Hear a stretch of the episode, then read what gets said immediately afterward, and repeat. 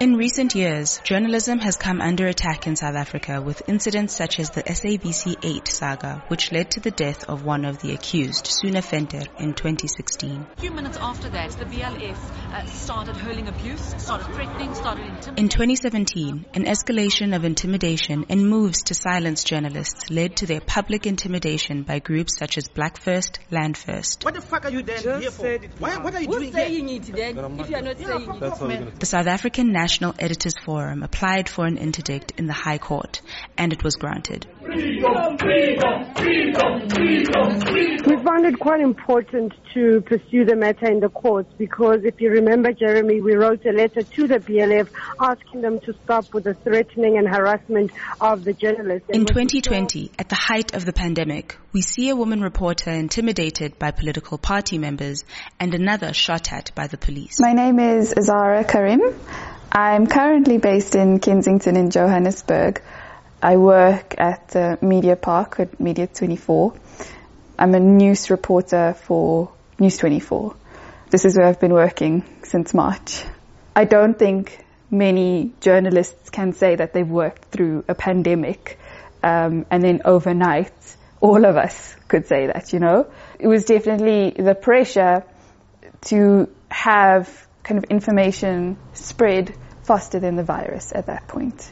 Quite early on, um, our company took a decision to stop working at the office, and this was actually just after we got the first, very, very first case of COVID-19. The nature of our job requires that we speak to a lot of people, and we interact with a lot of people um, physically. So I think that was definitely a risk that I faced. I got the permit, I got my press card, I got my ID, and on the first day of the lockdown, like I kind of set out. And honestly, that's all I thought that I needed to prepare. Like I don't think any journalist goes out and thinks, damn, maybe I should put a bulletproof jacket on in case I get shot at. Unfortunately for Zara, that's exactly what happened on the 27th of March 2020 when police fired live ammunition at her. I wanted to kind of just create a picture of are the lockdown, is the lockdown being followed, are regulations being followed, and how is this being enforced? Kind of past Yeoville. Then I saw the Nyala and I was taking pictures of the Nyala. I then saw three cops, three or four cops get off the Nyala and just start shooting at random people. They didn't ask them if they had essential business or if they had to go get groceries or medical care or anything. And I was recording this. At some point, one of the police officers came, so I was on this road and he came up the road, aimed his gun into a house, into a private residence. And I'm thinking, this dude is going to shoot into these people's homes. Like, obviously, I have to record this. But before he did that, he noticed me. He was waving. And I thought he was like waving at someone else because like I'm like, I'm a journalist, I can be here. And suddenly then he kind of waved his people down from the Nyala again. Suddenly like two or three cops are running towards me. And at first I'm like, they're running to somewhere behind me. I'm going to get a cool shot of them like running past or whatever. And until he, they start firing at me and I'm, then I thought that bullet was meant for me. And I immediately turned around and I kind of ran into this empty restaurant um, on Rockey Street.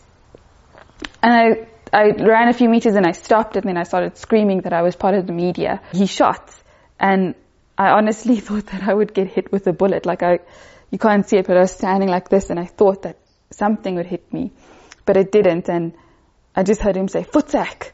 And, and then I ran up again, um, like kind of onto the street. I again turned around and told him I was media and started screaming again. And then he stopped and he goes, why didn't you say anything? Asking me all these questions and where's my pass and what am I doing? And then um, I gave them my press card and my permits.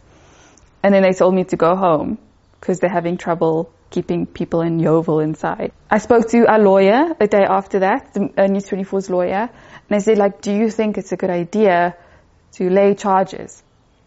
And then he talked me through that and, you know, kind of said the implications of that. And then, yeah, laying the charge is a whole different story.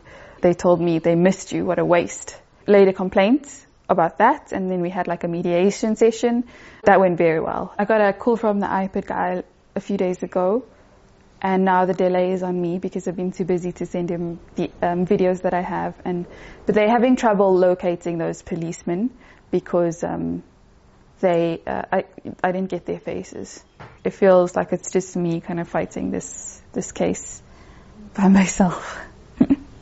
We were seeing sporadic, unreasonable implementation of regulations and the law during the lockdown, which was just an amplification of what it's normally like. They need to be educated on what they can and can't tell or do to journalists. I mean, I've been to press briefings where I was told I can't record something and because they don't condone it. Just because you call us in this briefing doesn't mean you can dictate what we, you know, record. They need to essentially stop being on this power trip and, and understand that they're working with us. I don't think it has defined my career. When I cover a story, I don't think about, am I going to get shot today? I think about like, what story can we get from this?